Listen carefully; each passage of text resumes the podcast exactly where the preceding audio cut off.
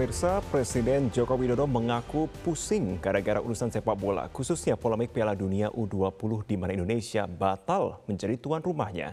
Hal tersebut disampaikan Presiden di hadapan sejumlah ketua umum partai yang hadir dalam acara silaturahmi di kantor DPP Partai Amanat Nasional Jakarta hari ini.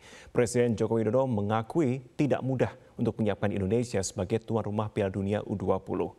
Sejumlah penolakan yang muncul hingga keluarnya keputusan FIFA yang membatalkan Indonesia sebagai tuan rumah Piala U20 membuat Presiden Joko Widodo pusing. Urusan bola ini memang pusing saya dua minggu ini gara-gara bola. Pusing betul. Karena apa pun itu sudah sulitnya, sangat sulit sekali untuk bisa menjadi tuan rumah itu. Yang mengajukan, bukan satu, dua, tiga, puluhan negara mengajukan. Dan kita juga ikut mengajukan, lobby sana, lobby sini menyampaikan apa, kesiapan infrastruktur dan fasilitas-fasilitas kita. Akhirnya terakhir tiga negara dan kita dipilih. Kita menyiapkan tiga tahun. Lapangannya dicek, perbaiki, dicek lagi, diperbaiki, dicek lagi. Tidak semudah itu. Dan saat kita menandatangani garansi uh, country house garanti, di situ sudah tercantum semuanya apa-apa yang harus kita komitmenkan dan kita tanda tangan. Kemudian juga provinsi maupun kota yang ditunjuk itu juga ada tanda tangan juga. City House komitmen ada semuanya, tanda tangan, tanda tangan. Tapi ya memang itu sudah menjadi kehendak Allah. Kita terima sebagai sebuah pembelajaran ke depan agar tidak terjadi lagi. Itu aja yang bisa kita ambil pelajaran dari urusan bola. Tapi aduh, pusing, pusing betul ngurus bola. Pusing. Baik pemirsa, tersangka kasus gratifikasi Rafael Aluntri Sambodo dalam wawancara eksklusif Metro TV menyatakan tidak menyadari dan tidak mengetahui atas status tersangka dirinya oleh KPK. Rafael menyebut kasus hukum yang ia alami merupakan buntut dari kasus penganiayaan putranya Mario Dandi Satria terhadap David Ozora sehingga ada tekanan publik agar KPK mengusutnya. Saya menghadapi kasus saya, saya masih merasa ini mimpi. Saya masih belum menyadari bahwa yang terjadi terhadap diri saya ini ini adalah hal yang sangat-sangat serius. Karena sejatinya saya memang tidak menyadari dan tidak mengetahui apa yang disangkakan kepada saya sekarang. Ya, karena sampai detik ini, ini kan saya terjadinya bukan karena saya melakukan kesalahan saya bukan karena melakukan uh, apa ada OTT atau tindak pidana yang nyata saya lakukan. Hmm. Tapi ini karena akibat dari kejadian yang menimpa anak saya. Hmm. Anak saya melakukan penganiayaan sehingga terus berdampak kepada publik netizen yang ingin mengetahui siapa orang tuanya dan kemudian dikondisikan sedemikian rupa sehingga saya dikondisikan memiliki harta yang tidak wajar dan didorong untuk menjadi uh, tersangka di KPK begitu. Hmm. Publik uh, saya lihat uh, para netizen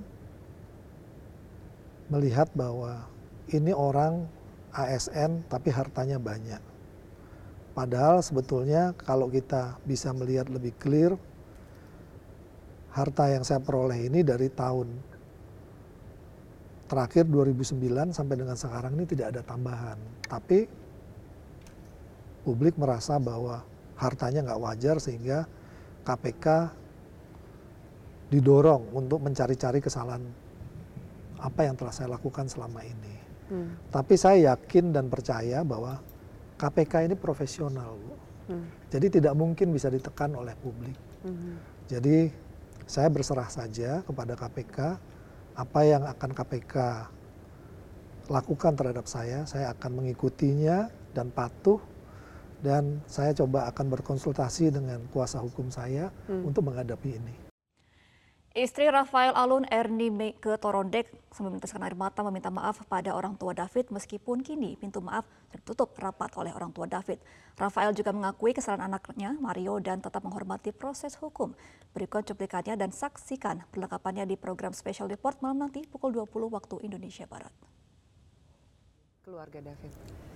Jadi uh, ketika saya dari Polres saya langsung ke rumah sakit ketemu sama orang tuanya uh, David. Saya bilang Bapak Ibu saya bisakah menjenguk Ananda David hmm. gitu.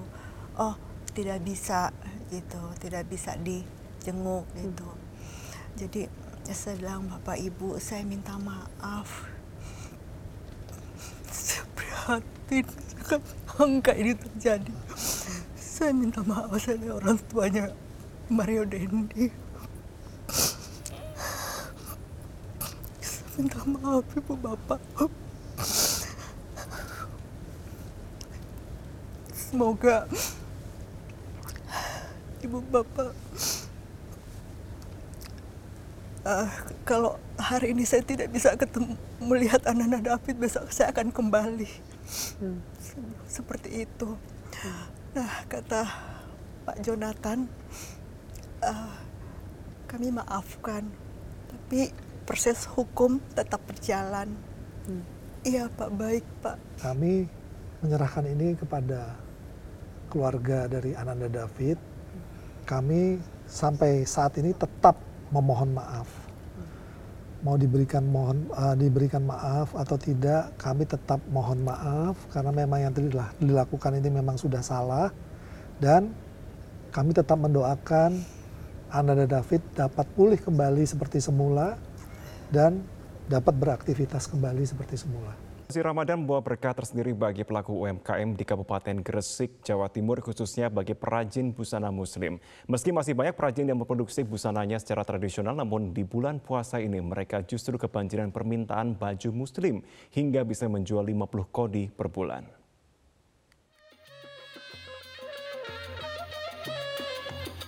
Sejak awal bulan suci Ramadan, sejumlah pengrajin busana muslim di Kabupaten Gresik sudah mulai bergiat memenuhi permintaan pasar akan baju muslim, baik untuk keseharian selama bulan puasa maupun busana untuk hari raya lebaran. Salah satunya pelaku UMKM pengrajin busana muslim yang berlokasi di Jalan Sindujoyo, Kecamatan Gresik Kota, Kabupaten Gresik. Nampak para pekerja di sektor industri rumahan ini yang secara maraton sibuk menyelesaikan pesanan busana muslim yang terus berdatangan sejak dua pekan menjelang bulan Ramadan. Pengrajin busana muslim Muhammad Jeffrey mengatakan kondisi Ramadan tahun ini sangat berbanding terbalik dengan suasana pada dua tahun lalu saat pandemi COVID-19 melanda dunia hingga membuat usaha baju muslimnya sempat stop berproduksi. Pada Ramadan kali ini, Jeffrey mengaku omset penjualan busana muslim kembali meningkat hingga dua kali lipat. Pada hari biasa, busana muslim yang terjual hanya 10-20 kodi per bulan. Namun di bulan puasa ini meningkat menjadi 30 hingga 50 kodi. Untuk permintaan ada kenaikan hampir 20 persen, Pak. Mm-hmm. Dari biasanya. Dari bandingan tahun kemarin gimana, Pak? Tahun kemarin 50-50 sama tahun ini, Pak. Jadi nggak nggak seberapa ngelonjak juga, ya nggak seberapa turun juga, ya stabil lah, Pak. Sampai berapa, Mas? Enggak. Untuk apanya? Untuk permintaan. Kisaran omset. Oh, untuk omset apa? Hmm. Kodi. Kodi, kodi. Oh, untuk kodinya bisa hampir rata-rata kalau per bulan bisa 50 sampai eh, 30 sampai 50 kodi Ini selama Ramadan ini. Selama Ramadan. Untuk lebaran, pelanggan kalangan remaja pria lebih memilih busana muslim dengan model polos tanpa bordir karena selain modelnya yang sederhana, busana ini juga bisa dipakai di segala waktu dan keperluan. Sementara untuk harganya pun terbilang terjangkau, mulai dari Rp100.000 sampai Rp500.000 rupiah, tergantung jenis busana muslimnya. Sengaja saya pilih warna-warna ini karena kan selama ini kan bosan norak-norak gitu. Sekarang ini nggak bisa formal, bisa untuk non formal. Ke masjid bisa, pesiar bisa, tidak kaku maksudnya. Harganya saya normal lah. Harga pasar. Sering beli di sini, Pak. Tiap tahun saya selalu berkunjung di sini. Jadi sama anak istri. istri. Inovasi model dan pemanfaatan teknologi digital menjadi kunci sukses dan kebangkitan UMKM di Kabupaten Gresik.